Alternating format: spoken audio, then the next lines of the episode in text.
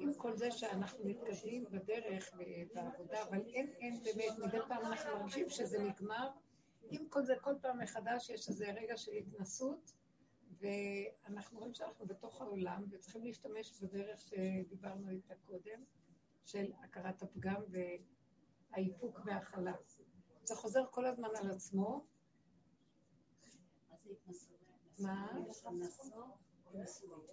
עוד פעם. התנסות מלשון ניסיון התנסות מלשון ניסיון. אנחנו נמצאים בעולם שכמו שאנחנו מדברים עליו, זה... אנחנו עושים כאן עבודה מיוחדת, שבעצם אנחנו רוצים לאפשר גילוי מלכות השם, גילוי האור של השם בעולם. אה, שהתודעה של העולם, איך שאנחנו חיים בה, אנחנו מתוכנתים לתוך תודעה שהיא לא נותנת את הגילוי של השם. ואנחנו במקסימום יכולים לדעת עליו, להבין, להשיג, ללמוד, לקרוא ספרים, לכתוב, לפרש, אבל זה לא זה. יש הבדל בין ללמוד ולדעת ולהבין ובין לחיות את הדבר. כדי לחיות אלוקות, אלוקות לא יכולה להתגלות בשלילי חיובי של עץ הדעת, טוב ורע. והספרים, הכל מושתת על uh, המבט החיובי מתוך השלילי, שזה כמובן התורה שהתלבשה בתוך חיובי שלילי, טמא טהור. רבנית, רבנית, רבנית, רבנית. הגילוי של השם הוא מתגלה כאשר שני החלקים האלה נופלים. ימין ושמאל תפרוצי, כמו שקרה בממשלה. אין, אין בהירות בין הימין לשמאל, שמאל לימין, הכל התערבב וזה משונה מאוד הכל. שבכנסת אנחנו שומעים על אכבר. מישהו אמר לי שהערבים כבר שמה, אומרים חופשי ומרגישים בבית. בסדר, אם היהודים לא יגידו, השם הוא גדול, אז שיבואו ערבים ויגידו, העיקר שמישהו יגיד, מה. זה אותה משפט, בתרגום לערבית. כן, אבל זה, זה מבזה את הצורה היהודית, אבל אין מה לעשות, כי זה משמעותי מאוד. בתרבות שלנו לא אומרים ככה, בתרבות שלנו אומרים השם אלוקי ישראל, ואין, זה דברים לא פשוטים, אבל אין מה לעשות. אז אנחנו רואים שכבר אין איפה לשים את האימון שלנו במקום הזה, בגלל שזה לא זה, הכל מעורבב. מצד אחד זה מבהיל אותנו, וגם אנחנו לא רוצים, לא יודעים מה, איך להתייחס לזה. מצד שני, כשהדבר יהיה הכי גרוע, וששום דבר לא יהיה ברור, כי יהיה ערבוביה כל כך גדולה, שם תחכה לו, מה שנקרא. כי האור האלוקי לא מתגלה איפה שיש סדר בספרייה. סדר, משמעת, מקום, אה, השתלשלות, לא. זה בערבוביה, בתוהו ובוהו. אה, בערפל, בערפול, איפה שאין בהירות בדבר. וכשאין בהירות, ואני לא נלחם להשיג בכוח בהירות, שאני לא מתמוטט מרוב שאין לי בהירות, כי אני מאבד שליטה, אלא אני מקבל, משלים, נכנע, נושם את הנשימה ומרפא. כי מה עכשיו נותר לי לעשות? נגמרה עבודת הבירורים, כי אם אפשר עוד לברר, תברר, אבל אם הכל מעורבב ואי אפשר לברר, נגמרה עבודת הבירורים, מה נשאר? ממתינים, נגמר. מה ממתינים? אני חי את הנשימה וחי את הסיבה שהשם מסובב לי בתוך המציאות של החיים הפשוטה. וזה חיים שהם נראים אחרת. זה כבר לא החיים שאנחנו מיומנים עליהם בדעת. אה, זה יכול להיות שינוי. יכול להיות שמה שהיה מסודר אצלי וחשוב וברור יתחיל להתבלבל, ולא יהיה כל כך חשוב וברור. ואז אה, זה לא זמן פשוט. כי הבן אדם לא ידע בין הטוב לרע מה לעשות. נניח, הוא אומר, טוב, כתוב בתורה מה שאתה צריך לעשות, מה הבעיה? זה לא כל כך, זה לא כל כך יהיה ברור שמה שאתה עושה טוב זה טוב, מה שאתה עושה לא טוב, לא ובכוונה שזה ככה. בגלל שהגילוי של השם, הוא חייב לשבור את שני, את שתי הכוחות האלה. הוא לא מתגלה, לא בזה ולא בזה. מה שביניהם ומה שמפרק את שניהם. שניהם עוד שייכים לתיקון של עץ הדת, שזו התוכנית שאנחנו נמצאים שם, שזה בית הכלא שלנו. שאנחנו שבויים שם בתוך, במין תודעה כזאת שאנחנו שבויים בה. ועם כל זה שיצאנו ממצרים, לא הצלחנו ישר להיגאל, לקבל את הלוחות הראשונים ולהיות בני חורים, אלא חזרנו להיות משובטים, רק יצאנו כבר ממצרים. ויש לנו את התורה, והתורה עכשיו היא עובדת בתוך, בתוך התוכנית הזאת של, של הכלא, ושם אנחנו יושבים ומבררים. ולקראת הסוף שרוצה האור הזה להתגלות ולפרק בכלל את כל בית הכלא הזה, אז תנו לו לעשות את העבודה. עת לעשות להשם, שקט. תנו לו לעשות עכשיו. תשתקו, תחזורו אחורה. ומה נעשה בשעה הזאת? הדת לא תפעל טוב, לא כדאי להשתמש בה. להשתמש רק עם הנשימה כאן ועכשיו ועם הסיבות של הצבעים והיסודות שאנחנו חיים, לפי הסיבה כאן ועכשיו. כל רגע יבוא איזה משהו, אני חי עם המשהו הזה שבא, ושם אני מדבר עם השם, ואין לי יותר מה לעשות. אין לי, כי שום דבר לא נשמע נורמלי, ברור. קרה, ראינו את זה בקורונה, רואים את זה כבר. גם כשחוזרים לבתי ספר, זה לא ברור שבתי ספר כבר, אנחנו די חושדים שזה כבר התוכנית, ראינו כבר, שהתוכנית הזאת, גילו לנו שהיא בעצם בפנים, היא לא באמת, היא סתם, היא כאילו. ואז אנחנו כבר לא מאמינים בה כמו קודם. שהילדים אה, חוזרים לבתי ספר, הכל חוזר, אבל הכל כאילו, יש לנו תחושה של כאילו, כולם מרגישים את זה. גם כשהילדים הולכים, אבל זה מין כאילו כזה. גם שהכל כביכול חוזר לעולם, אבל מרגישים את הכאילו. הממשלה כאילו, הדמיון, הכל דמיון. המרפאות כבר, בבתי חולים, הכל נראה כאילו. בגלל שאנחנו כבר ראינו שמתחת לכל זה, זה לא פשוט. יש תרמיות, ויש בלבולים, ויש... לא ברור הדברים. השם טלטל אותנו והראה לנו. אז מה שנשאר לנו זה לחיות עם הנשימה של הרגע. והרגע שלי הוא כאן ועכשיו מה שאני יכולה. ועכשיו אני מרגישה שאני, מתפרק לי המוח הגדול של הידע, והפרשנות והמשמעות, ושל הצורות הגדולות, מדינה, עיר, אה, ממסד, אה, בנקים, קופות חולים. לא, לא ברור לי, לא ברור לי, אין קופות חולים, אין בנקים, אין כלום, רק יש רגע שאני צריכה משהו. אז אני משתדלת לעקוף את הממסדיות, כי אני לא מאמינה בממסד כבר, אני רואה הרבה דברים לא פשוטים. ואז אני מנסה לעבוד שהחיים שלי יהיו, אני מרגישה שאני מדינה קטנה. אני, אם אני צריכה, אני צריכה לסדר את העניינים שלי ביני לביני, כדי שאני לא אתקל, נניח בבנקים, בכל המקומות, אז אני צריכה להסתדר שאני אוכל לחיות עם החיים של המציאות שלי, אני יוצרת לי בעצם את המציאות החדשה שלי. ואני לא צריכה ללכת להישמע לפי מה שמקובל, אם כמה שאני יכולה. יש דברים שאני לא אוכל, כי אני... אבל מה שאני כבר יכולה, ואם אפשר לצמצם כל, את כל מציאות החיים שלנו, שלא נהיה תלויים בשום דבר של הממסד. תגידו, איך? אני אומרת לכם, זו דרגה שאנחנו עובדים עליה עכשיו מאוד מאוד, זו דרגה של פרט, דרגת הפרט. אפילו אם יש לנו ילדים, ואפילו אם יש לנו משפחה והכול, תמיד הפרט, הפרט עכשיו הוא זה שמוליך את ה... אני לא, לא, לא הילדים יוליכו אותי. לא הממסד של הבית יוליך אותי או המשפחתיות, אלא אני קובעת את המשפחתיות. זאת אומרת, אם אני רואה שהדבר לא מתאים לי, ואני יוצאת מגדרי, אני לא אגיב לילד. שיעשה מה שהוא רוצה, אני לא. תקשיבו, הכל מתחיל להיות מכווץ פנימה, וגם הילדים יתחילו ללמוד איך לחיות עם עצמם בצורה נכונה, כי הוא ילמד את זה ממני, בלי להתערבב רגשית ושכלית, ולפי דפוסי מה שידוע, בלי שאני אהיה מתוסכלת ממנו והוא ממני, ורק בצורה הזאת יתגלה עלינו השם. כמו המדרשים שהיו במצרים, שהאימהות עזבו את הילדים, הילדים גדלו לבד. אה, הבעלים יצאו מהבתים, זה כאילו, זה מראה משהו, ממסדיות, מה? הם לא יוצאים מהבתים, זה לא... אומרת שהם לא יוצאים מהבתים. זה היה פעם, הקורונה החזירה את כולם לעבוד מהבית. זה מאוד יפה. לא התכוונתי בפיזי, אלא יוצאים מהבתים, הכוונה יוצאים מממסד הבית. יוצאים מהמקובל שככה זה צריך להיות. לא, יוצאים מהדפוס המקובל.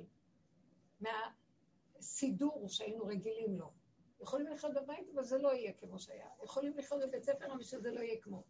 שהילדים ילכו, אני לא... מתקשרות אל האימהות, שהן לא יכולות, המורות בלי סוף מתקשרות, או מורים, או... והם מבלבלים על הילדים ועל הילדים והילדים, וכאילו יש איזו תזזית אפילו יותר ממה שהיה. כל הזמן אה, מזמינים לכל מיני מפגשים, שגם הפסיכולוג נמצא, וגם המנהלת, וגם היועצת, וגם המורה, ועל כלום ועל מה. ואז דוגמה כזאת שאימא אומרת לי, ואז אני מסתכלת ואני אומרת לה, את יכולה גם להתחמק ולעשות את מה שאת לא יודעת. את יכולה גם ללכת ולהקשיב ולא לסתור את דבריהם, רק להגיד כן, כן, כן, ולחזור הביתה. את לא לקחת את זה בשום צורה רצינית, כי זה, זה כבר לא, זה דפוק. בשביל ילד כזה קטן צריכים להעמיד חמישה אנשים מקצועיים ביותר, והילד, מה, מה כבר הוא עשה? אז הוא קשקש באמצע, הוא לא מקשיב בדיוק. אז אולי תנסו לסדר את השיטה האחרת, ואולי כי זה באמת לא מעניין איך שאתם מלמדים, אי אפשר לכבול את כולם. אבל זה לא יעזור. אז אם כן, אם זה לא יעזור, אז למה לי לדבר? ולמה שאני, זה סתם לשווא, אני מאבד, אה, אני מאבד את האנרגיות. אז אי אפשר לסתור אותם, בגלל שהם הרוב והם הכוח. לא מעניין אותי כבר. אותו דבר, את אומרת לילד בבית. את אומרת לו דבר, לא מקשיב. נשים צפות, הילדים לא רוצים לשמוע. לא יכולה להכריח אותם בכוח. את יכולה רק לראות, תכנסי בדלת אמות, ולהרפות, ולהגיד, אני לא, מתאר, אני לא נכנסת לתסכול של צעקות כוחנות, אה, להראות לו בכוח, לחנך, כי יש לי תפקיד לחנך, לא מוכנה לחנך ככה. והעניין של חינוך, העיקר של החינוך זה לחנוך את עצמי. חינוך זה מבחינת להיכנס ראשונה. אני נכנסת ראשונה לתוך המציאות שלי, הילד הוא רק מספק לי את האפשרות לחנך את עצמי דרכו. אז הוא לא, הוא, הוא לא רוצה להקשיב. אז אני אומרת לאמא, תסתכלי בתוך עצמך, תרפי ממנו, ולכי לדרכך, אבל אני לא יכולה לראות אותו יושב במיטה.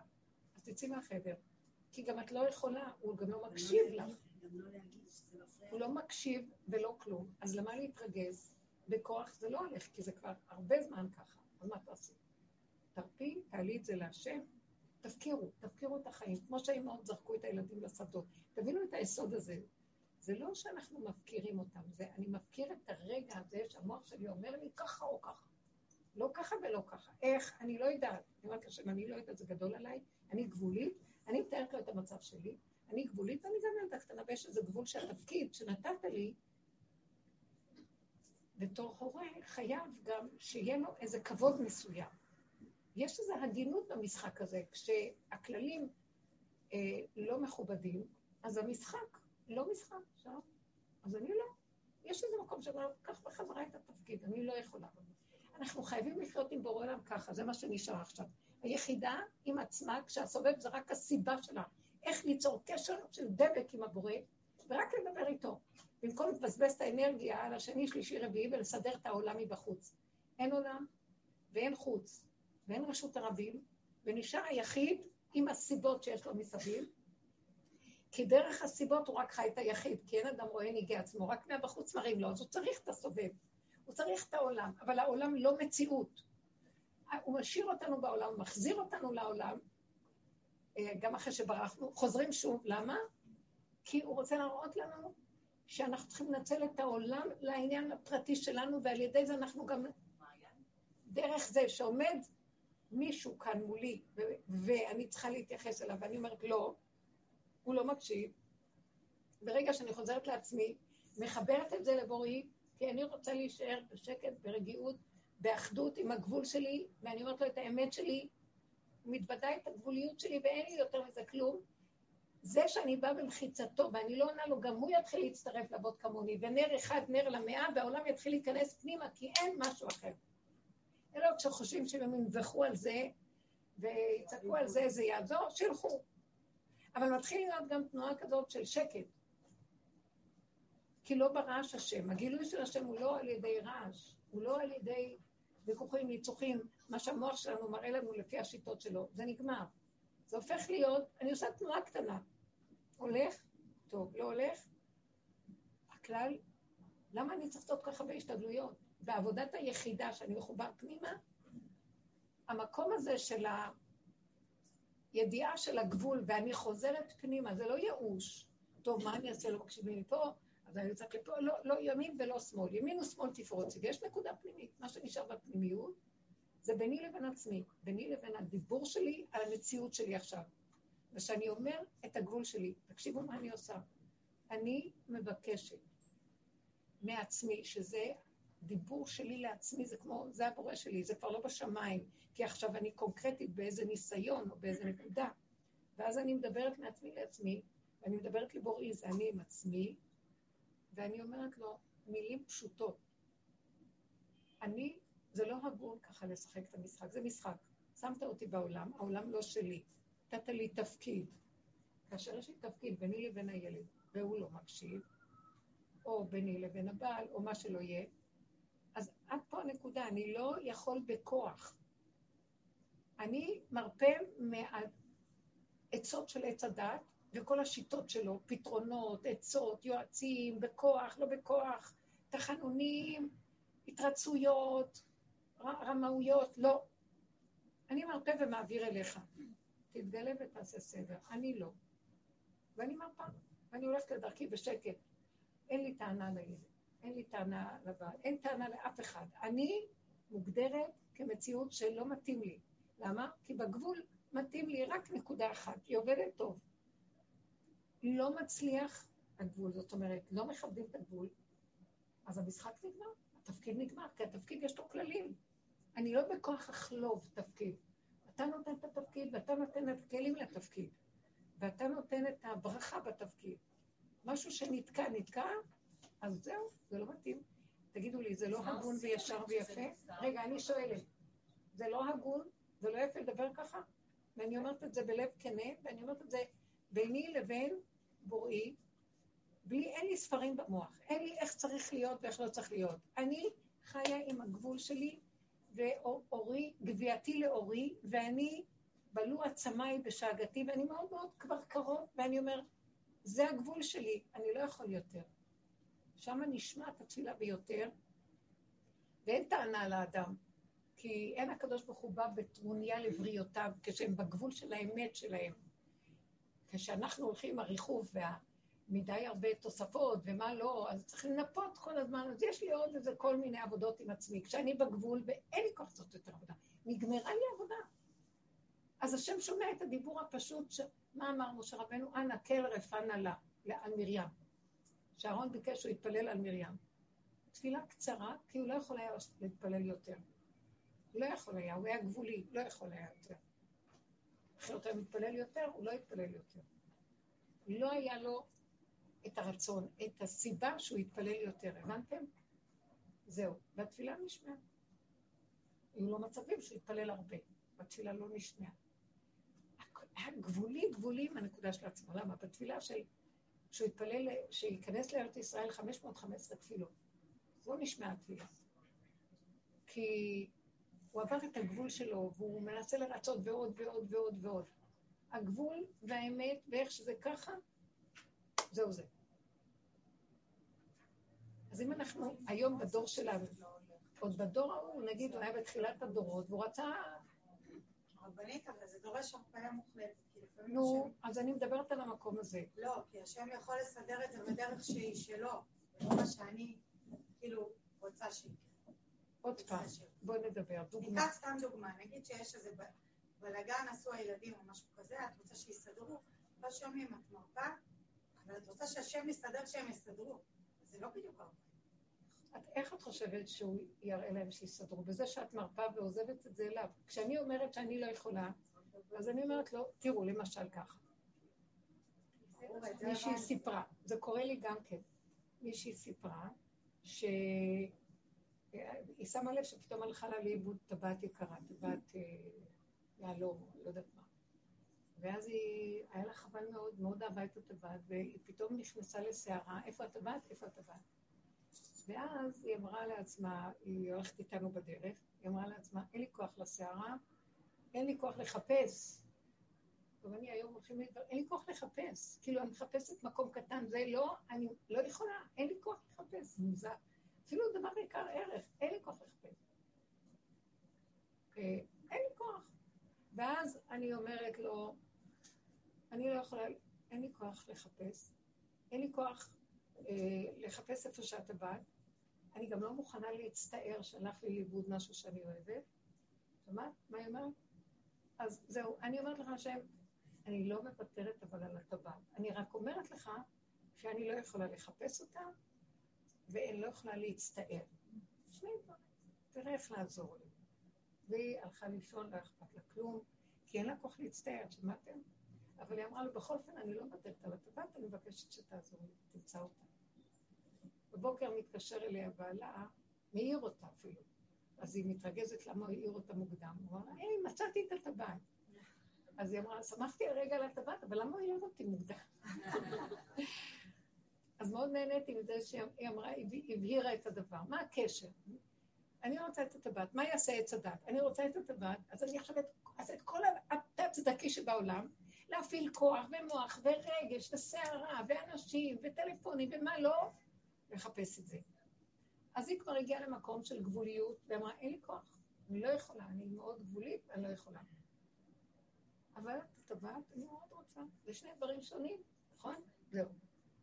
ובעלה פתאום נזכר שמישהו אמר לו ש... שיחפש בזה של ה...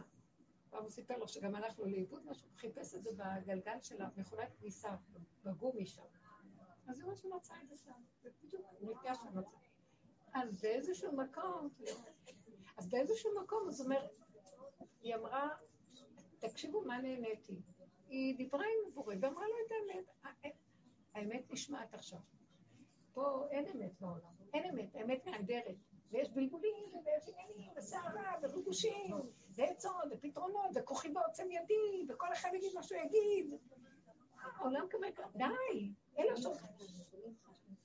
אלה שהולכים בדרך, יש להם כיוון. עשינו אחורה אחורה, פירקנו את עץ הדעת, הסתכלנו על עצמנו ועל הפגמים, ועוד פעם, והלכנו אחורה והתוודענו וראינו, והפסקנו להגיב, וכל הזמן שמנו את הפנס על עצמנו לראות ולראות ולראות, ומפעם לפעם לפעם התכנסנו פנימה, במקום להגיב ולסעור, ומול השני והשלישי ולהצטדק, הסכמנו שלהיות צודק זה לא העיקר, העיקר לראות את עצמי ולראות איפה אני נמצא, והזדעזענו מעצמנו, ובסוף מה הטענה על השני, ואחר כך גם מה הטענה על עצמי, כי אני לא יכולה לשנות שום דבר, כי ככה זה מאוד קשה לשנות תנאים. אי אפשר. אבל מה שאפשר על ידי ההתבוננות, והאיפוק וההכלה, והעבודה, וההכרה והדיבור, לפרק את ההבלים שעוטפים את הטבע. זה מה שעץ הדת מגדיל לנו. אה, פנס, שם פנס ומגדיל, מגדיל, דמיון. אז כל טבע הכי קטן נהיה מפלצת, ואז אנחנו בסכנה יוצאים עם זה, החוצה יכולים להחריב עולם. אז את זה ראינו, ונבהלנו, וקיבלנו יראה. קיבלנו את העניין של להתיירא מעצמנו, ולא כל כך בקלות נלך להוציא את זה החוצה. וכשהתנהגנו כך, הגענו פנימה, גם ראיתי שאין לי טענה גם על עצמי, כי גם אני מושפעת משוגע שיושב במוח. יושב שד במוח, ואומר, שיוויתי השד השם לנגדי תמיד, וכולו שד אחד גדול, וכולו רמאות ותככים ומזימות, וגם אין שום דבר, זה דמיונות של גדלות, דמיונות של רוחניות, דמיונות של אנשים רצים ומשוגעים. בסופו של דבר, אז האדם גם מתחיל לקבל את עצמו ואת הפגמים שלו, ומפסיק לבקר, לדרוש, לשפוט, לדון ולבקר את עצמו. אה? בעקבות מה הוא מקבל את הפגמים של עצמו? תקשיבי. לא זוכרת, מה אמרת? בעקבות זה שהוא מתבונן, כמה שהוא עובד, עדיין קופץ אותו שד. ואי אפשר לפרק אותו. אפשר, על ידי עבודה, להמעיט את ההבלים שלו, ואת כל הרוחות, ואת הסערות, ואת התגובות, והגירויים, אבל אי אפשר, ב- ביסודות תמיד קיים. והמוח הזה הוא זה ש... שהוא שופט ודן ומפרש ונותן משמעות ופרשנות, והוא זה שעושה לי את הכאבים. נופל המוח, אני מסכים לכל דבר איכשהו ככה, האדם הזה מתאים לשיעור שדיברנו היום. אני באה לבור עולם ואומר, רגע אחד, אני לא מתנהל בעולם שהכל כוחנות, כעס, רוגז ומכאובים. אני, יש לי תפקיד, יש לי תפקיד של אימא. אני אומר לילד משהו, הילד לא מקשיב, אני לא יכול בכוח. אני חוזר לעצמי ולדבר עם השם, אני אומרת, אני לא יכול. יש כאן תפקיד ויש כללים לתפקיד. כשהכללים נפרצים ואין קולי נשמע, אז נגמר לי התפקיד ברמה של העולם. שאמא צריכה לדבר ולחנך ולהגיד, כי איזה תקשורת יש, ואני מוסרת לך את התפקיד בחזרה. אלא אם כן, אתה נכנס בתוך התפקיד, וזה אתה, במילה שלי, הילד ישמע אותך, ואז הוא יעשה ולא אני. זה התנאי. לא, אז אני חוזר ואקח את התפקיד בחזרה. מה דעתכם על הדיבור הזה? לא הנה, הגיעה אלינו, מאיפה צנפת לי עכשיו? חמישים שנה לא היית פה, חמודה. בטח שלא לחנך. לחנך את עצמי, לא לחנך. לחנך את עצמי להצטמצם ולהיות באמת. השם אוהב אמת. והאמת היא נשמעת, שתהיה האמת הכי גרועה, היא אצל השם נשמעת. הוא אוהב אמת. אבל אם יש נגיד הגדרות של, של אנחנו אין, אין עולם, אנחנו פירקנו את העולם. אין עולם, העולם רמאי, שקרן, אני לא מאמינה בעולם. לא מאמינה, הקורונה הראתה לי את הכל, גם לפני כן ראינו. אין, אין עולם, עד היום, אין עולם, אין כלום, הכל דמיונות ושקר וכזב. לא מאמינה לשום דבר מהדפוסים האלה. זה התרחבות של עץ הדת שהחברה תפסה, והיא הולכת איתה ברחבות כזאת, ויועצים פסיכולוגים, שיטות, הכל שקר, שטויות, שטות, שטות, לא שיטות. לא הרבנית, אנחנו לא ברמה של לחנך בטכניקה. סליחה, אתם לא ברמה שלי, אז כולם לעזוב כאן וללכת. לא, לא ברמה לא מסכימה לבוא לכאן יותר לדבר לעצמי. אני היום לא מוותרת לכם, אל תגידו לי, אני לא ברמה שלך. כשאתם לא, לא ברמה מסכימות... של לחנך. לא, אנחנו ברמה לא, הטכנית. אתם לא ברמה של לחנך, אלא ברמה טכנית, תאספו את כל אז מה לא, שפיזרתם. זה לא נקרא. זה אותו לא, יש דבר. דברים בעולם זה לא. נקרא, אני לא אוותר לך. רגע. לא, זה לא שיעור לייעוץ הורי ולייעוץ חינוכי. נגמרו כל המושגים האלה והם לא עובדים, נקודה. עובד רק גילוי מלכות השם. כשאדם מודה את מציאותו והוא נאמן לה, כי המציאות היא אמת. אני אומר חמש פעמים וקולי לא נשמע. והסכנה היא שאני אצא בצווחות. לא בא בחשבון. לא בכוח יגבר איש, כי אם ברוחי אמר השם. תתגלה, רוחך הקדושה בן דיבה, תלווה אותנו, תחיה איתנו, תתגלה בעולמך, ותראה לעולם שאתה חי וקיים בפנים. תדפיק את, את, את הדופק ואנרגיית החיים הזאת חייבת להתחיל להתגלות באדם. כשאני אגיד מילה זה יהיה מספיק. כמו שמשה אמר, אין נערפה נעלה. למה לא? משה היה אדם גדול. אה, את לא משה רבנו, אני לא משה רבנו. אני קוקוריקו אה, בתחתיות, אה, בסתר המדרגה בתחתיות השפל. ולשפל הזה, מאחר והוא גבולי ביותר, תקשיב. ומשה רבנו היה בשפלות הזאת ובגבוליות הזאת, ולכן הוא הקשיב לו. ואילו לנו יש דמיון ממשה רבנו. משה רבנו כל הזמן היה מלחך עפר במדרגות הכי נמוכות, בינו לבין עצמו. שמה הדיבור שלו היה מתקבל אצל השם. כי לא בשמיים היא. זה מה שמשה רבנו אמר בפרשת ניצבים. אתם מבינות מה אני אומרת? ואנחנו אומרים, משה רבנו אמר, כי הוא היה קוסם. מאיפה באה הנקודה שהוא יגיד והשם יעשה מה שהוא אומר? מהמקום הזה שהוא כבר לא מציאות עצמית. מאיפה האדם לא מציאות עצמית? שהוא מודה שהוא גבולי והוא לא מציאות עצמית. אבל אנחנו עוד חושבים שצריכים לחנך. יש לנו עוד שכל ואנחנו חגים. מי שיש לו עוד כוח למצות את השכל ואת הכוח, שילך אחרי שירות לבוא. אותי עזבו מקור מים. חיים והלכו לחצוב להם בורות נשברים שלא יכילו המים. אז השם כבר על הגבול שלו ואומר, מסריח פה, אני לא רוצה, אני מתגלה. ואני רוצה אנשים שיהיה לי כלים איפה להתגלות. אחד שמכבה את המוח הזה של עץ הדת, אחרי תודה, תודה. אחרי כל העבודות הגדולות שנעשו פה, אחרי כל העבודות הגדולות שנעשו פה, אז השם יכול להתגלות. למה אנחנו מחכים? מה אתם רוצים עוד על מנת שזה יקרה? כי אנשים ישנים. לא, רק במקרה קרה כל מה שקרה פה. במקרה הכל קורה כאן. למה אנחנו אומרים שזה יד השם שסגרה את הכל, ועוד פעם פתחה על מנת שבני אדם לא יחשבו פתחו עולם חזר רגיל. סגרו וראו את יד השם בפירוש, נכון? היה שקט, והתגלה משהו. ואחר כך כאילו העולם חוזר, על מנת מה? שעכשיו השם אומר, תחזרו לעולם, אבל תיקחו אותי איתכם ותגלו אותי בתוך העולם. זה היה המסר. התגליתי, מי שראה לוקח ומחזיר, עכשיו חוזר לעולם.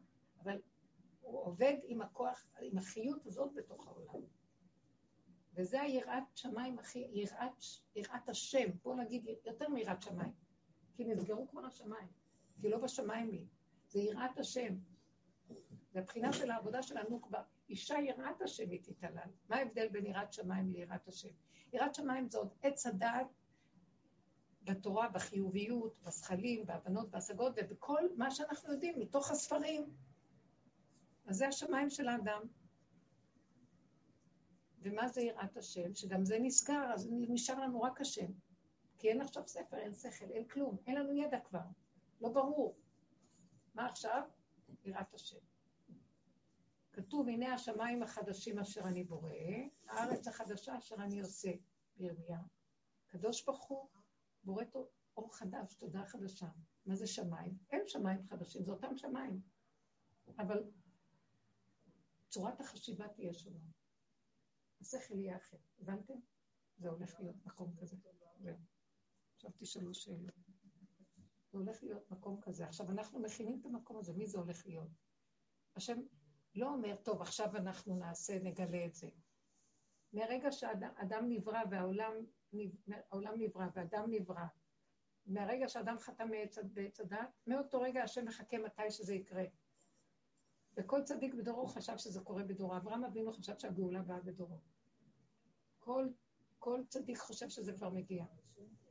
עכשיו אנחנו לפי התוכנית של, ה, של התוכנית, מסורת הקבלה של ששת אלפים שנה, אנחנו בסוף. אז עכשיו זה לא יקרה? אולי לא. אני שמה לב שאותם צדיקים שחשבו שזה קורה בדורם, הם את עצמם גאלו, רצו גם את דורם, אולי גאלו חלק, אבל הם נגאלו בדורם כבר, לעצמם הם נגאלו. מה אכפת לכם? לפחות אתם תגאלו, אפילו אם זה יש עוד 200 שנה עד סוף אלף השישי, אבל תגאלו את עצמכם. וכל פעם מחדש בא אור כזה שמנסה לגאול אנשים, אומרים, לא, לא, יש עוד זמן, זה לא. זה הזמן, זה המקום, זהו. אור חדש על ציון תאיר. כן. מה, מה זה תגלו את עצמכם? כן, רחלי, מה את אומרת? רחל, אה, סליחה.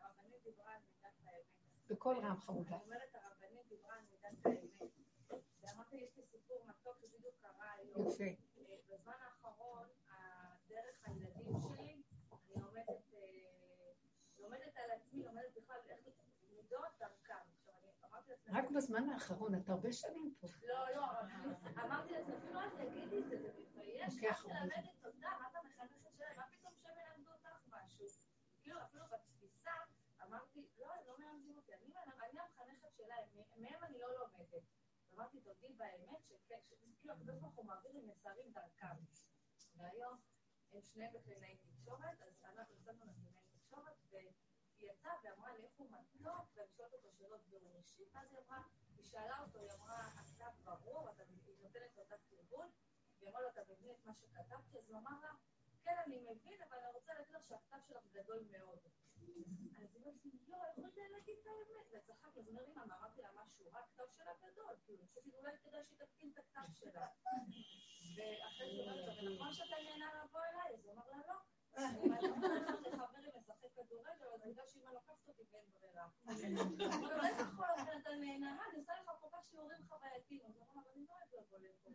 אז היא כאילו, אבל אמרה לי, תראי, אז בהתחלה אמרתי, איזה מה בושות? "תשימי את למה הכתב", בושות? האמת לא ביישנית ולא פחדנית, אומר חובת הלבבות. מה כאילו, בושות? אז זה מה שרציתי להגיד הרבה, שדרכם, גם שמעתי את מה ש... כאילו, האוזניים שלי שמעו את האמירה הזאת, ואמרתי לה, הקדוש ברוך הוא מראה לך שבאמת, כאילו, אחרי זה אמר לי, אמא, זה היה נכון, לא רציתי להגיד לשקר, ואמרתי את האמת, אמרתי, תלמדי מזה, וממש התרגשתי מזה, אמרתי, דרך הילדים, כי הרבנית תמיד אומרת שהם דור אחר, שגם מהם, הם הם מאירים לנו בדרך, מדהים. הם כבר. בדרך. מאוד נהנית מזה, יפה, אה? זה הדור החדש, הדור החדש לא רוצה לשקר לעצמו, הם לא מוכנים לכפייתיות ולקורבן הזה שבשביל שמישהו יגיד משהו עליהם, החיצוניות והחשבונאות הזאת. מאוד קשה. ואנחנו עדיין מרצים, מדשדשים. מה, מה את שואלת עכשיו?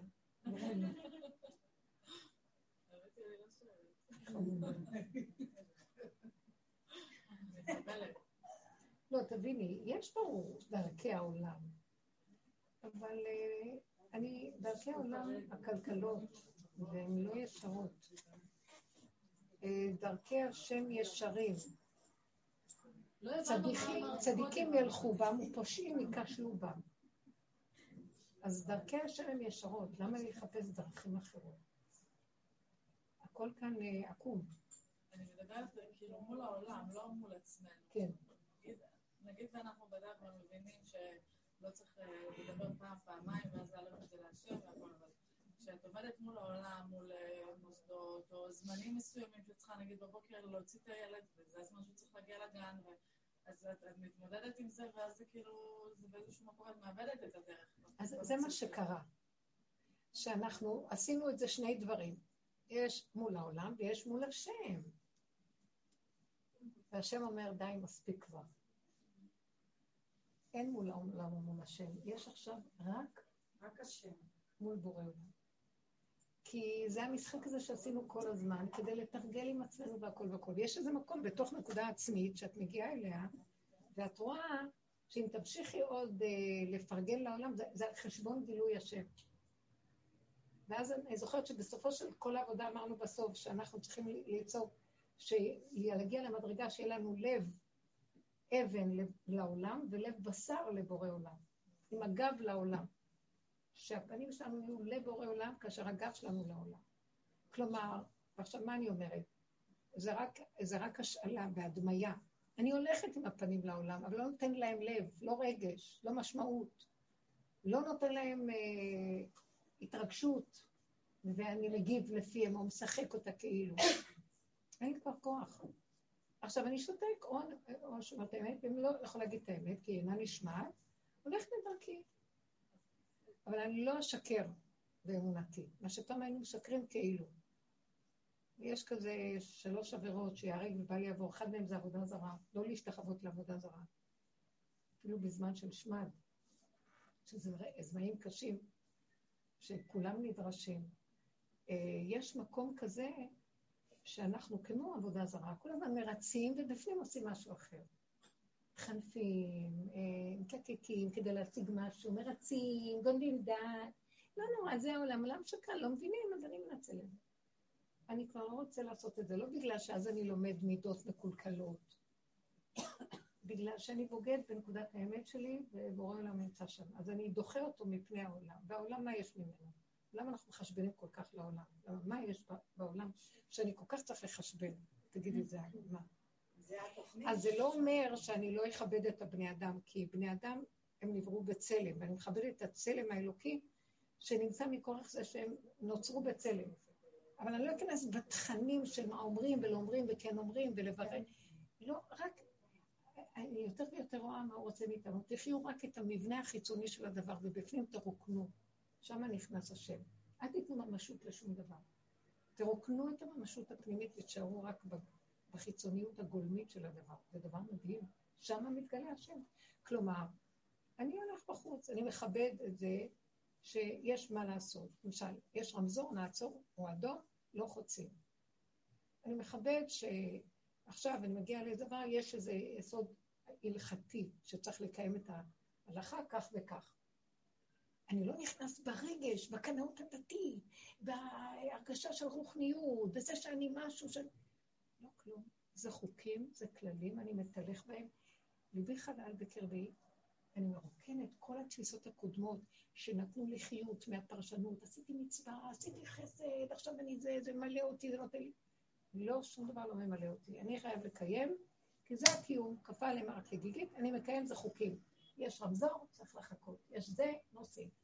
יש הלכה, עושים. לא, עוצרים. חוץ מזה, מה שנשאר פה מכל הריגושים והסיפוקים של החשבונאות, של החיוביות והרוחניות וכל זה, אין. שמעתם? או שלילה, כעס, אני כועס על המשטרה, מה הם עושים כאן חוקים כאלה, לא סובל, לא סובל את המדינה, מה המדינה, לא מדינה. ככה, וזהו. ריק לי. שם הוא מתכנס. הבנתם מה אני מתכוונת? אנחנו בעולם. עכשיו, יבואו טלפונים. היועצת והמורה והפסיכולוגית וזה, ומזמינים אותי לפגישה ועוד פגישה ועוד דיבורים וטלפונים. סליחה, אני יכול לכבד. מזמינים אותי לאיזה פגישה, אני אלך. לא אדבר, לא אגיד, לא כלום, כי מי יקשיב לי? גם אם אני אגיד, הם יגידו, אני לא פותח פה כי הם יקבלו מזה כוח להתנגד לי, ואז אין כלום. תקשיב, מכבד, הולך. תעשי עם זה מה שאת רוצה בבית. כי אין לך כוח יותר כבר. את שומעת? את שומעת כבר את הקשקושים שבכל הסיפור. מה הם רוצים מהילדים? רוצים להלביש איזו תוכנית בכוח, שהיא לא הולכת. הילד, אולי ילד אחר, כן, הוא לא, כי ילד אחר יותר יכול לרמות את עצמו, הוא לא יכול לרמות כל כך. יש כאלה ילדים שמרצים, והם כאלה מרצים, הם זקנים. יש ילד שיגיד, אני לא מוכן, כמו שהילד של אה, רחלי אמר, לא מוכן, והוא אמר את האמת שלו.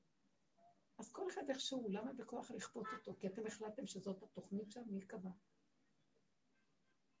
גם לימוד תורה יכול להיות בצורה אחרת ממה שעושים בישיבות. נכון שקיבלו במסורה, אבל יכול, אתם ראיתם בקורונה, נסגר הכל, יכול אדם להיכנס לכולל, לשבת לתוך גמרא וללמוד עם עצמו תורה. זה לא סותר. הקורונה לא עצרה את התורה, היא יצרה את הצורה שבה החיצונית, איך שאנחנו היינו רגילים לה. זה הכל. אף אחד לא יכול לעצור מה שצריך. אבל יכולים לעצור את כל המנהגים והפרשנויות והרוחות והמשמעויות וכל התפאורות, אתם מבינים? זה יכולים לעצור, כי זה שקר, לא חייב, אפשר לשנות את זה. זה מה שאני מדברת. אנחנו לא מפרקים את המסגרות, אנחנו מפרקים את התכנים השקריים שנכנסו בתוך המסגרות, ושכחנו מפעם לפעם, אנחנו מאמינים להם, והם מכים בנו ואין לנו כוח. צריך לחנך את הילד, זה הפך להיות מין אה, תוכן, או איזה מין, אה, איך אומרים, מנהג כזה, חינוך. נכון, אבל אם הכללים לא עובדים, אז אי אפשר, יש כלל לכל דבר. אז אי אפשר לחנך, אני באה מפה לא עוזר, אני באה מפה לא עוזר, אני מוסר את זה לבורא ואני אומר לו, ריבונו שלום, אתה, אני מוסר לך כי הגעתי לגבול, והיום אני לא רק עושה מפה משם כל מה שאני יכולה, כי כבר נגמר לי כוח לעשות כל מה שאני יכולה. אפילו קצת שבקצת אני כבר לא רוצה לעשות. אני. אני עטה כמוצא שלל רב על מה שמתנגד לי, וישר אני אומרת, אתה רואה, אני לא יכולה. הדבר הכי קטן שמתנגד, ישר אני אומרת, אי אפשר ככה. כמו שהיא איבדה את הטבעת, אין לי כוח לחפש. גם אני איבדתי את, את הטלפון, ואין לי כלי קשר כבר מיום שישי. לא, אין לי זמן. עכשיו, למה חשבתי, אולי פה, אולי פה, אולי פה, אני לא יכולה לחפש. אמרתי את זה לחברה, אז הם חיפשו לי אותו, איפה שאמרתי להם, לא מצאו. אז עלה בדעתי איזה חנות, שאולי הייתי שם, שהייתי שם, אולי זה שם, ואז לא יצא לי לצאת לשם. ואז הרפאתי, אם אתה רוצה, תסדר שזה יגיע אליי, ואם לא, אני מוותרת. לא מוכנה להתאמץ על שום דבר בכוח. אין לי כוח לבכוח. רק שתיתן לי כזה חשק, אין לי חשק, אני לא. אבל אני אגיד לך את האמת, אני כן הייתי רוצה אותו, את הטלפון הזה. האמת שאני לא בטוחה שאני כל כך רוצה אותו, היה קצת שבור. אני רוצה חדש.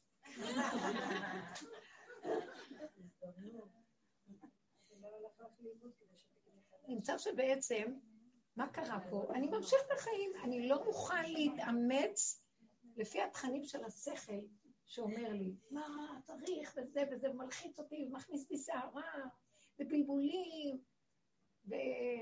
ומצפון. לא בא לי כלום, כלום, כלום, כלום, כלום. אין, אין, עין, יסוד העין, אין שום דבר. אין עץ הדעת, שזה כל הסערה. יש חומר פשוט. מסגרת פשוטה. למה אנשים שוברים בתים, ושוברים, אה, וילדים נשברים בחינוך?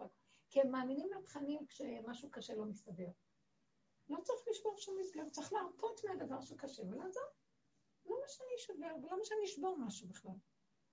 לא, אז לא. הכנעה, קבלה, השלמה.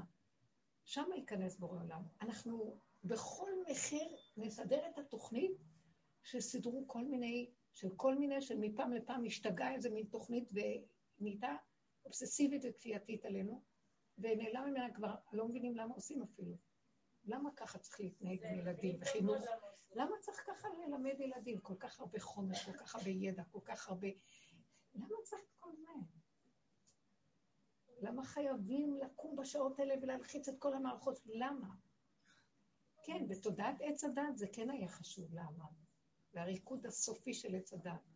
כדי להשיג את הסדר, את הזמן, את השליטה של עץ הדת, ואדם ישלוט על המוח שלו ועל הסדר שלו, וזה טוב לו שהוא ישלוט, שישלוט, שיהיה לו שליטה ולא יתפרק לו ולא זה. תקשיבו רגע, השם רוצה שיתפרק, אחרת לא יכול להתגלות. הוא רוצה שיתפרק השליטה בעולם, שהסדרים ימותו כל מוסדי ארץ. כל הממסדיות וכל הסדר מתפרק. רק שם הוא יכול להתגלות. הוא רוצה את זה גם באופן מוחלט או לפרקים? איך? הוא רוצה את זה גם באופן מוחלט? יש רגע, רגע. בדיוק. אה, מוחלט זה מסוכן מאוד, גם המילה מוחלט היא יחסית, מוחלט למי ולמה. אה, אם הוא יעשה מוחלט, זה רחמנות על העולם, לא. השם רחמן על העולם, והוא עושה מעט מעט אגרשנו מפניך. וזה הולך ונהיה. גם ימות המשיח, אי אפשר להגיע אליהם מידי... אנחנו בהתחלת ימות המשיח כבר נכנסנו בהם, וזה הולך לאט, לאט, התודעה החדשה מתגלה, תודעת הפרט. זה מה שאני רוצה להגיד, הכלליות נופלת, רשות הרבים והמוח הכללי נופל, ואדם מתחיל להיכנס את דלת אמותיו. מה חסר למדינה, תגידו לי? מה חסר למדינה במוח? מה חסר לי לדעת דברים, מה עשה שר הזה ושר ההוא? מה אכפת לי בכלל? שאומרים אללהו אכבר בכנסת. מה אכפת לי? לא אכפת לי. אמרתי לכם, לא אומרים השם הוא גדול, השם גדול. לא אכפת לי. אבל זה בבשר, מה זה משנה לי? מה זה לא אכפת לי? זה- עצבים, כאילו, זה בבשר, זה נוגע, לא? כן, הבשר שלי מת מזמן. בשר? איזה בשר? למה שזה ייגע בי? למה שמשוגעים עושים דברים וכל הזמן אני צריכה להתפלל להשם שיסדר את העם שלי?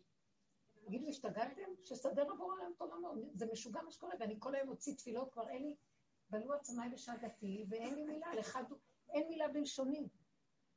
לך דומיה תהילה, תתגלה בעולמך. אז אני נותנת לו מקום שיתגלה בפרט. עוד לא תתגלה על ההרים, על העצים והאבנים, מתגלה שיש לו כלי, כלי, שקט, מסגרת ריקה.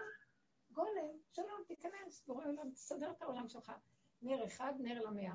אחד מכם יניס אלף, אבל אם יהיו שניים זה רבבה, ואם יהיו שלוש עוד יותר. כדאי להצטרף לעניינים. תודעת הפרט היא תודעה נקייה, אמיתית. אין שם עבודה, אין עבודת השם שם. שמעתם? נגמרה עבודה בגלל שאי אפשר יותר לעבוד. לעבוד שיש עץ הדעת, אז הוא מלך העבודות. הוא פרעה. אז יש הרבה עבודה, אז כנגד פרעה יש עבודת השם. כנגד העמל ויגיע, אלו ואלו עמלים, ואלו, ואלו עמלים, אלו עמלים לריק ולהבל, ואלו עמלים בתורה. הסוף יהיה שגם העמל נגמר, כי מגיעה שבת, בשבת לא עמלים. שבת זה הגילוי של השם. ימים הוצרו ולא אחד בהם, הקדוש ברוך הוא יום אחד. וזה שבת. עכשיו זו התודעה של הפרט, של השבת, של אחד. אז היחידה עכשיו חיה. שמעתם? איך היא חיה? כל דבר שבא להסיר אותי מרשות הרבים, מאיזה דעה, מאיזה רעיון, ממה שקורה, זה שקר. סליחה, שבת, שבס, אסור להצטער בשבת. אסור לסעור, אסור להתבלבל. זאת אומרת, דלת אמות, תאכלו, תהנו, תשתו, תודו, תודו ותודו. ותבקשו רחמים, זהו. וככה הוא מתגלה.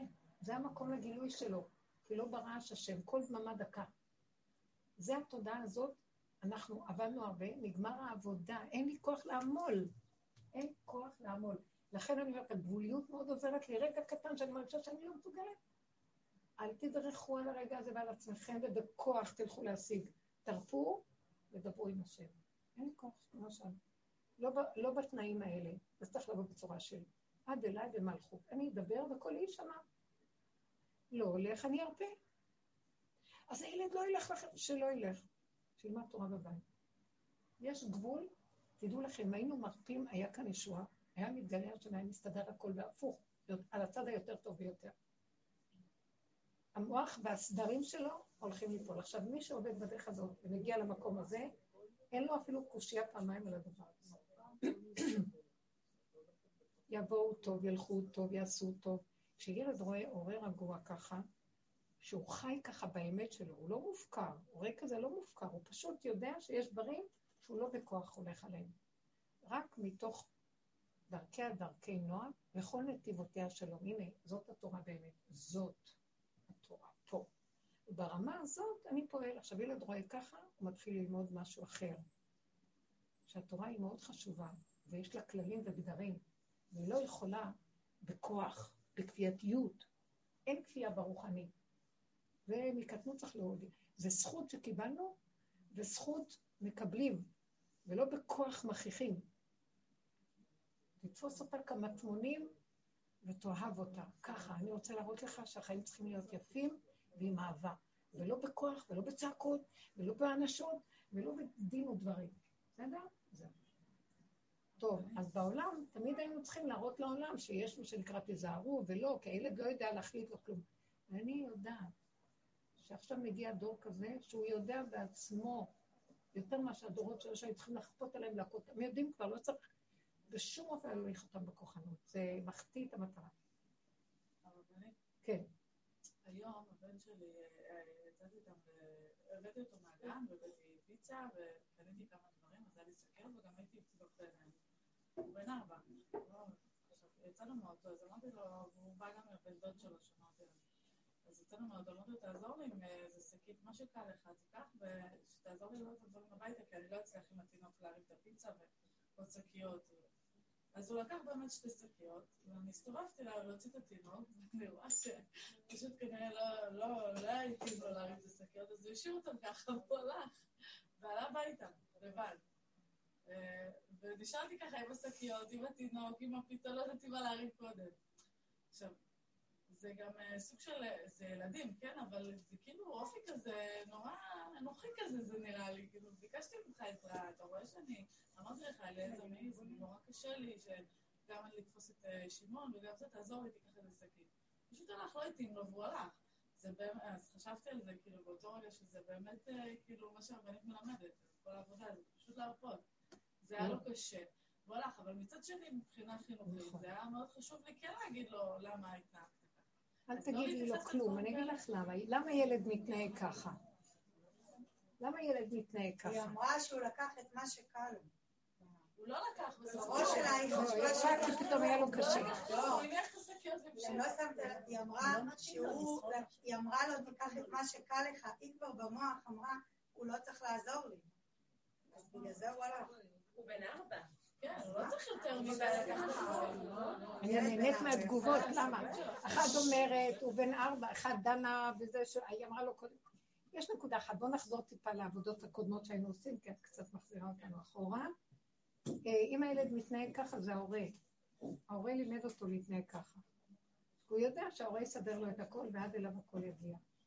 וההורה, אה, בחיים שאנחנו חיים, ההורה יש לו איזה מין, אה, ככה, אהבת יתר לילד, או מין מצפון הורי גדול, או הרצון לתת מדי גדול. יש לנו, אנחנו מופגזים בכל ה...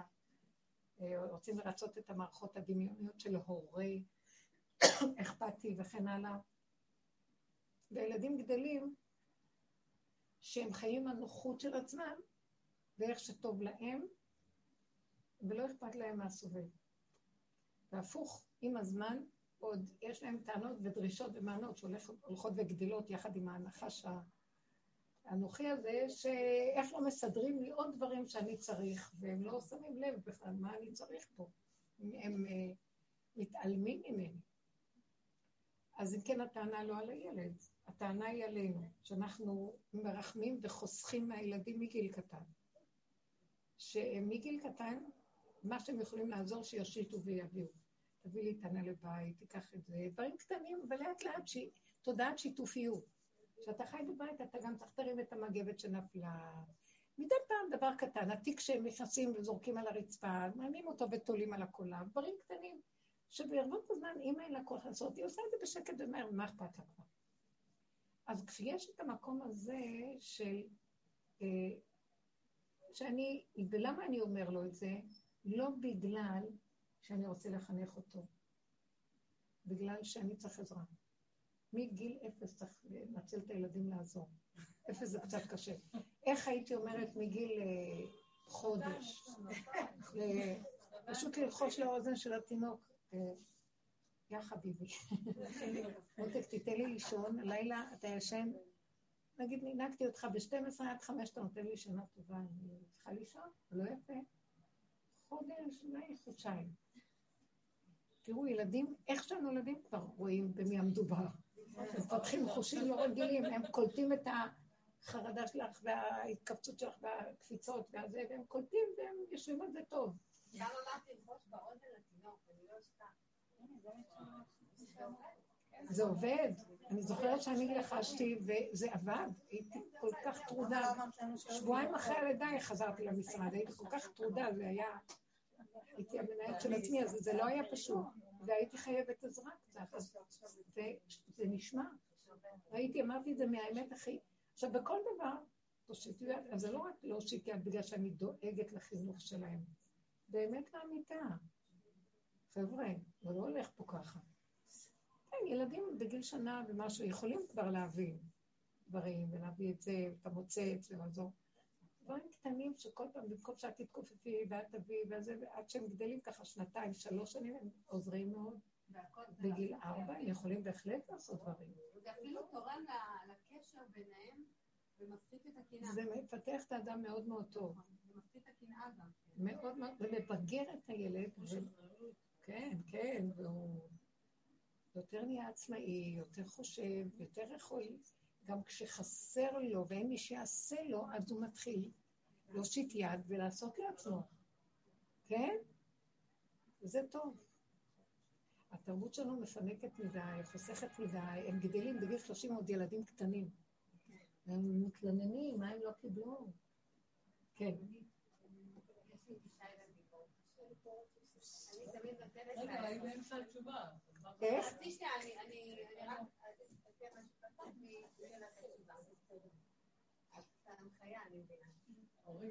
אני תמיד נותנת לילדים בחצי מידה יותר ממה שאני חושבת. ותמיד אני מופתעת ואני מגלה שזה קטן עליהם. מה שחשבתי שזה גדול עליהם, זה קטן עליהם. יפה. היום יש לי ילד בן ארבע, את יכולה לדבר איתו, הוא כל כך בוגר. כן. זה מאוד חשוב. אמת, אמת. אני בעד. לא. אני בעד. זה קו ישר. את האמת, את הפשטות, את הצרכים, וילדים לומדים והם יודעים והם הם מגיבים לאמת. לא מלוקק ולא חסכני ולא בחרדתיות שמא, פשוט, פשוט. זה הולך להיות דור כזה, זה שהמדרש אומר שהם השאירו את הילדים בשדות, המלאכים גידלו אותם. השגחה מגדלת אותם. זה עובד. תזיזו את הידיים שלכם, את העיניים שלכם. איך אומר אה, הבן איש חי, ילדים אה, יקרים, משמרכם ערכו מעינה הבישה של אביכם ואימכם. שלא ישימו עליכם את העין שלהם, כי זה עין רעה. היא עין ביקורתית, היא עין כועסת, היא עין אה, לא פשוטה, עצבנית. לא נשמע לך טוב, טלי?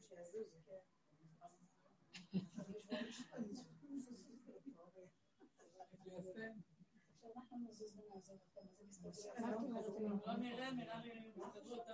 כן, שושן. בכל... מביאים את הגבוליות ממש מכל הלב וכל הזה, ועדיין המצב כאילו נשאר. עוד פעם, מה? מה? מה קורה, מה שאני חוזרת למה שהרבנית דיברה בתחילת השיעור, על העניין של הגבוליות, שאדם באמת מבטא לקדוש ברוך הוא אה, את הגבוליות שלו, ממש, וכאילו משחרר, מרפא, הכל, ו- ועדיין זה נשאר המצב אותו דבר. אה, תקשיבו, זה טוב, סימן שהשם שמע.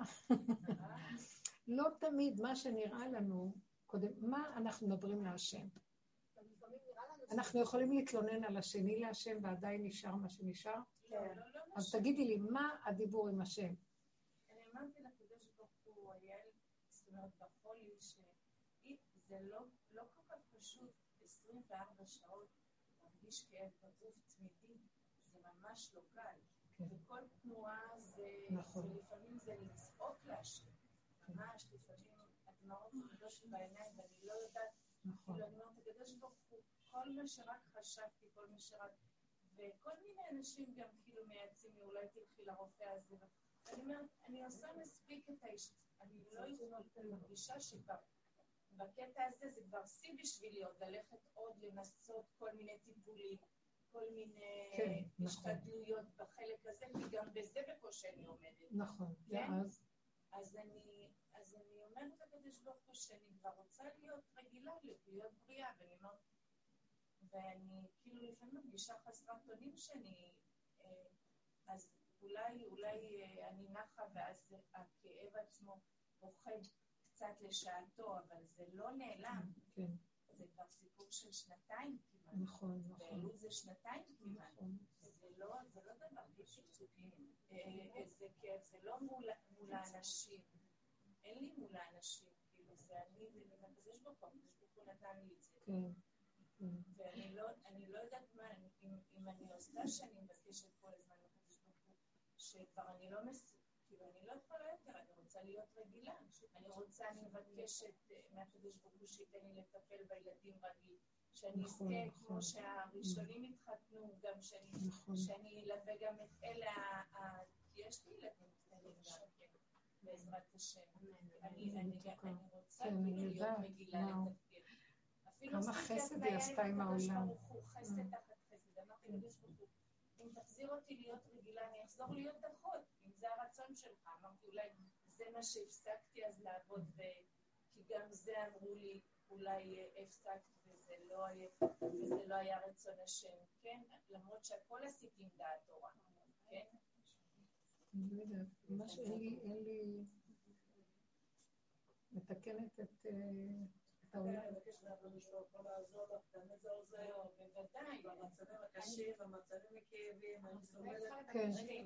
אני סובלת, כבר, אני בת חמישים ואחת ואני סובלת ארבעים ותשע שנים, וברוך השם, במצבים הקשים קשים שיש בזמן הזה, פותחת את פשע לקדוש ברוך הוא, באותו זמן יש לך את הניסים והנפלאות, מאיפה שמקום את לא יודעת, כאילו שולחת לשלח בשבילך, ונרפאת זה מזה, ממש עוזר.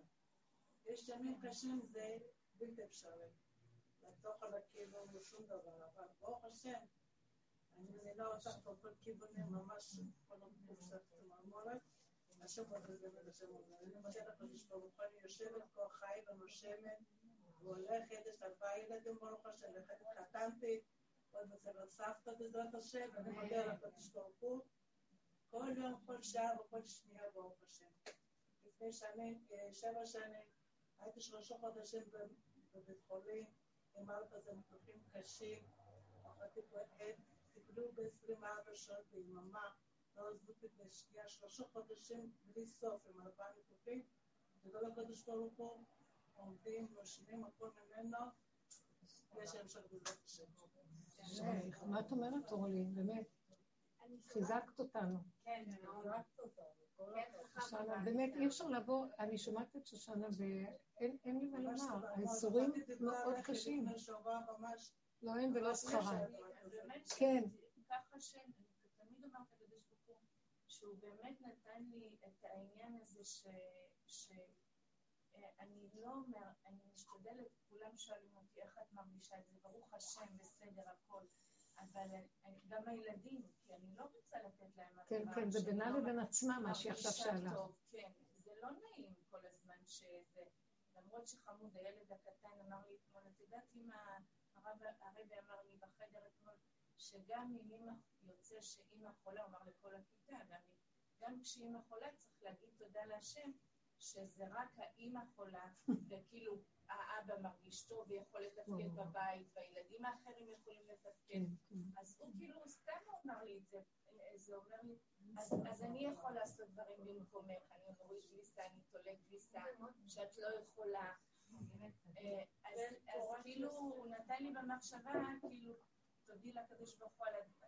ברור שכל הזמן אני מודה לקדוש ברוך הוא, שברוך השם, כולם במסגרות בסדר והם בריאים, וזה זה הכל הרחמים, שום דבר לא ברור מאליו.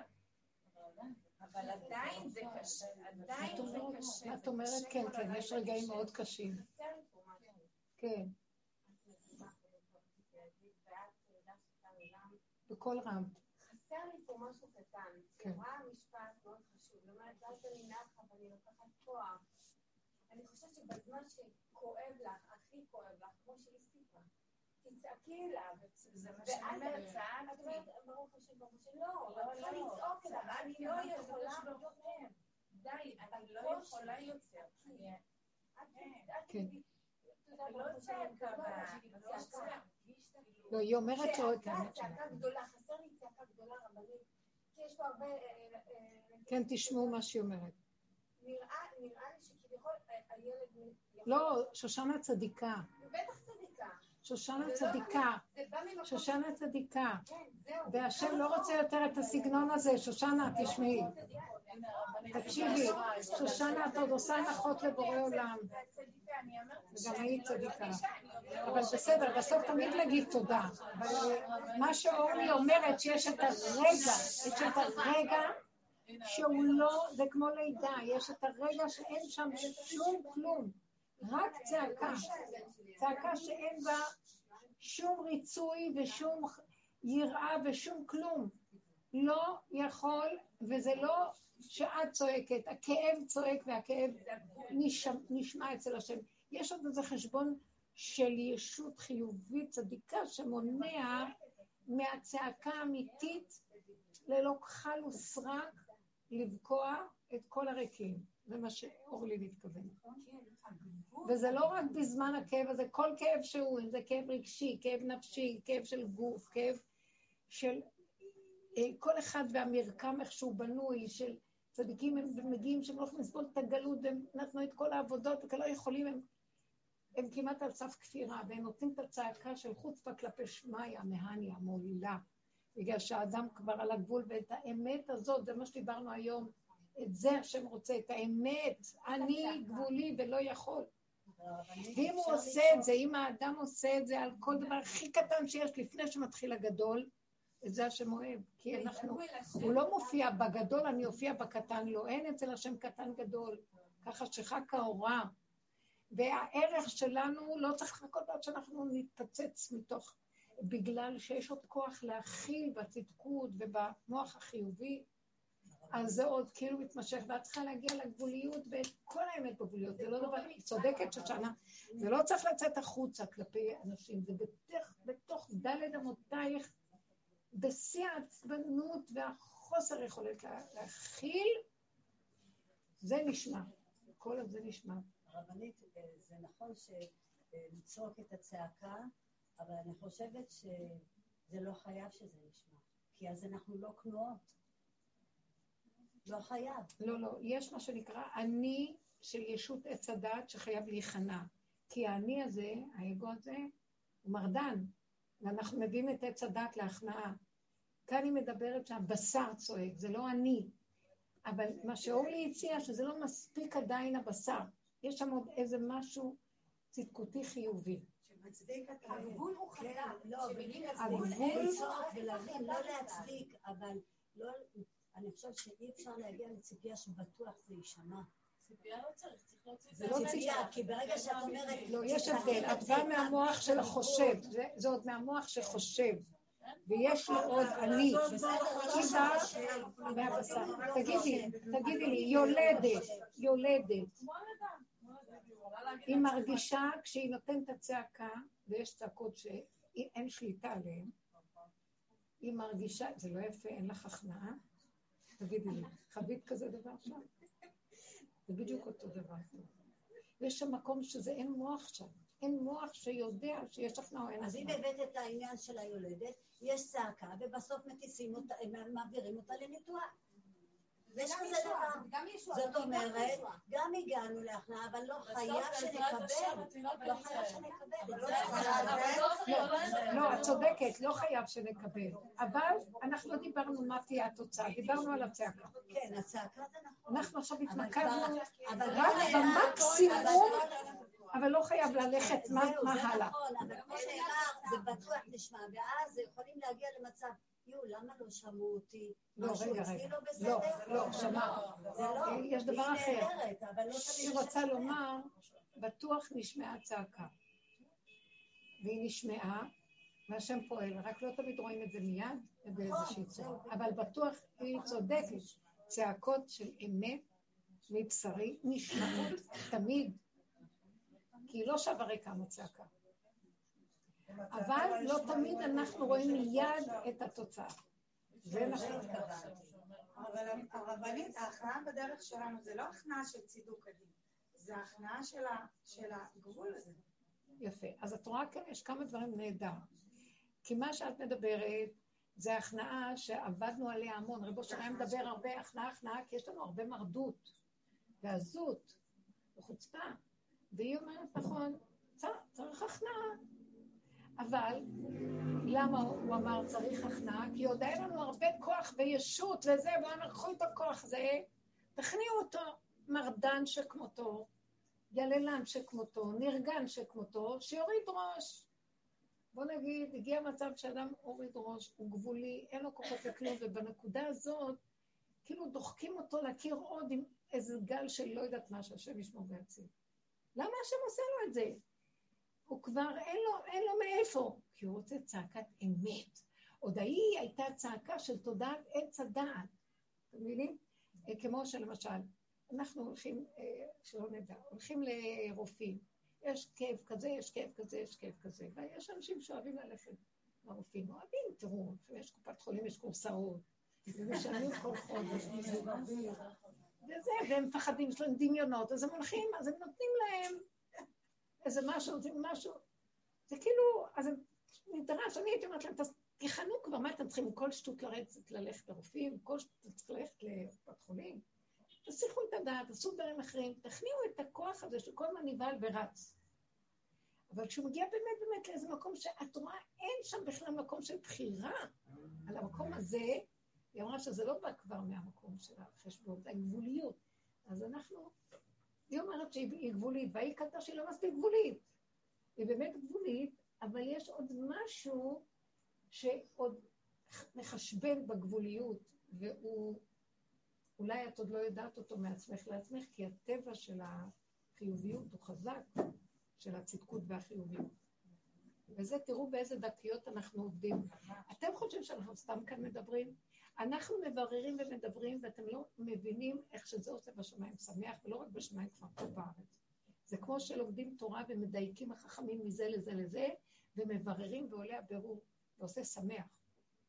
כי זה עולה הניצוץ. ככה גם פה, אנחנו עושים את זה במידות. כמו שהם עושים את זה בדעת של התורה, אנחנו עושים את זה במידות של הבשר ודם של ההתנהגות שלנו, כי אנחנו רוצים גילוי מלכות השם, והגילוי הוא בבשר, הוא לא מוח מוסתר של דעת, אף אחד לא יודע מה שאני חושב. גילוי בתוואים, בחיים, אנחנו רוצים ישועות בחיים, ושלא יהיה לנו סבל, ולא יהיה לנו צער, ושאני אגיד משהו לילד זה יעבוד, ושאני אבקש משהו זה יפתחו השערים, ויהיה כאן גן עדן עלי אדמות, כמו שהקדוש ברוך הוא רצה, שהוא ברא את עולמו להיטיב לברואיו וליהנות אותה מעולמו. אבל התנאי שהוא ברא את זה, זה שהאדם יעשה את זה מתוך עבודתו. אז הנה, עשינו את כל העבודות, והזזנו מהרע לחיובי, ומהחיובי פירקנו אותו, ופירקנו את עץ הדעת, והגענו לגבוליות, ונגענו בגבוליות, והוצאנו צעקה. עכשיו אני אראה לכם רק חיים טובים. אמן. כן יהיה רצון, גילוי מלכות השם בטוב. כן.